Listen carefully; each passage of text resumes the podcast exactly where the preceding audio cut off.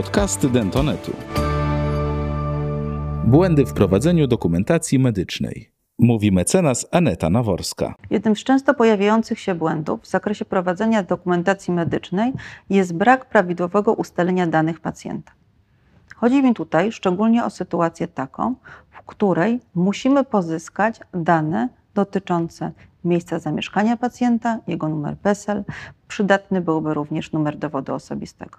Mam na myśli sytuację, w której gabinety prowadzą skomplikowane niekiedy procedury medyczne. Przygotowywane są dla pacjenta duże prace protetyczne.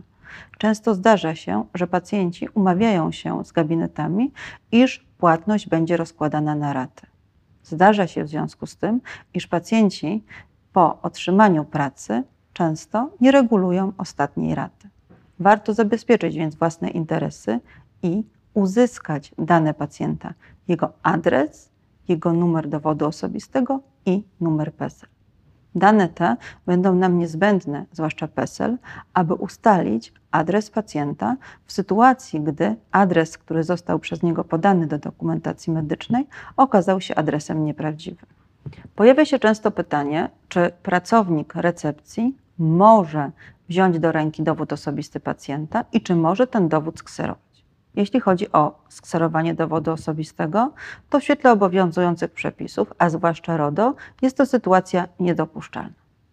Czy może pracownik w takim układzie tylko otrzymać do ręki dowód osobisty i spisać z niego dane pacjenta? Oczywiście, pacjent nie powinien się wzbraniać przed taką sytuacją musimy wpisać właściwy numer PESEL pacjenta, właściwy numer dowodu osobistego. Jest to nam potrzebne do prawidłowego procesu leczenia. Jest to też często potrzebne w przypadku klinik czy też gabinetów indywidualnych, które mają podpisane umowę z Narodowym Funduszem Zdrowia, do tego, aby właściwie rozliczać świadczenia. Wielokrotnie powtarzającym się błędem w zakresie prowadzenia dokumentacji medycznej jest to, iż wpisy w dokumentacji są lakoniczne.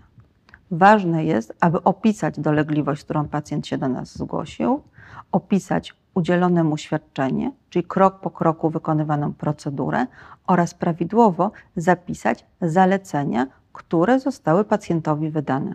Dlaczego tak ważne jest to, aby zalecenia były szczegółowo opisane w dokumentacji medycznej?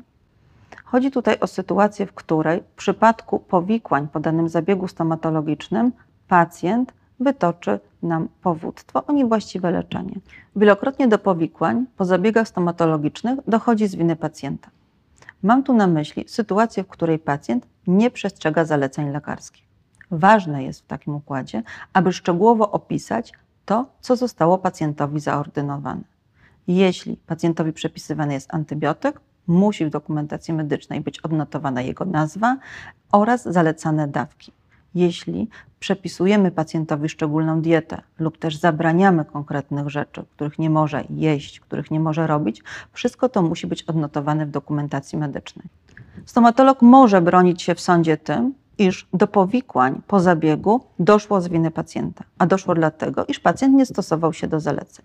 I wtedy musimy przedstawić dokumentację medyczną, w której będziemy mieli szczegółowo opisane te zalecenia. Warto byłoby również, aby pacjent podpisał oświadczenie, iż zapoznał się z tymi zaleceniami i że będzie ich przestrzegał. Szczególnym pacjentem jest dziecko.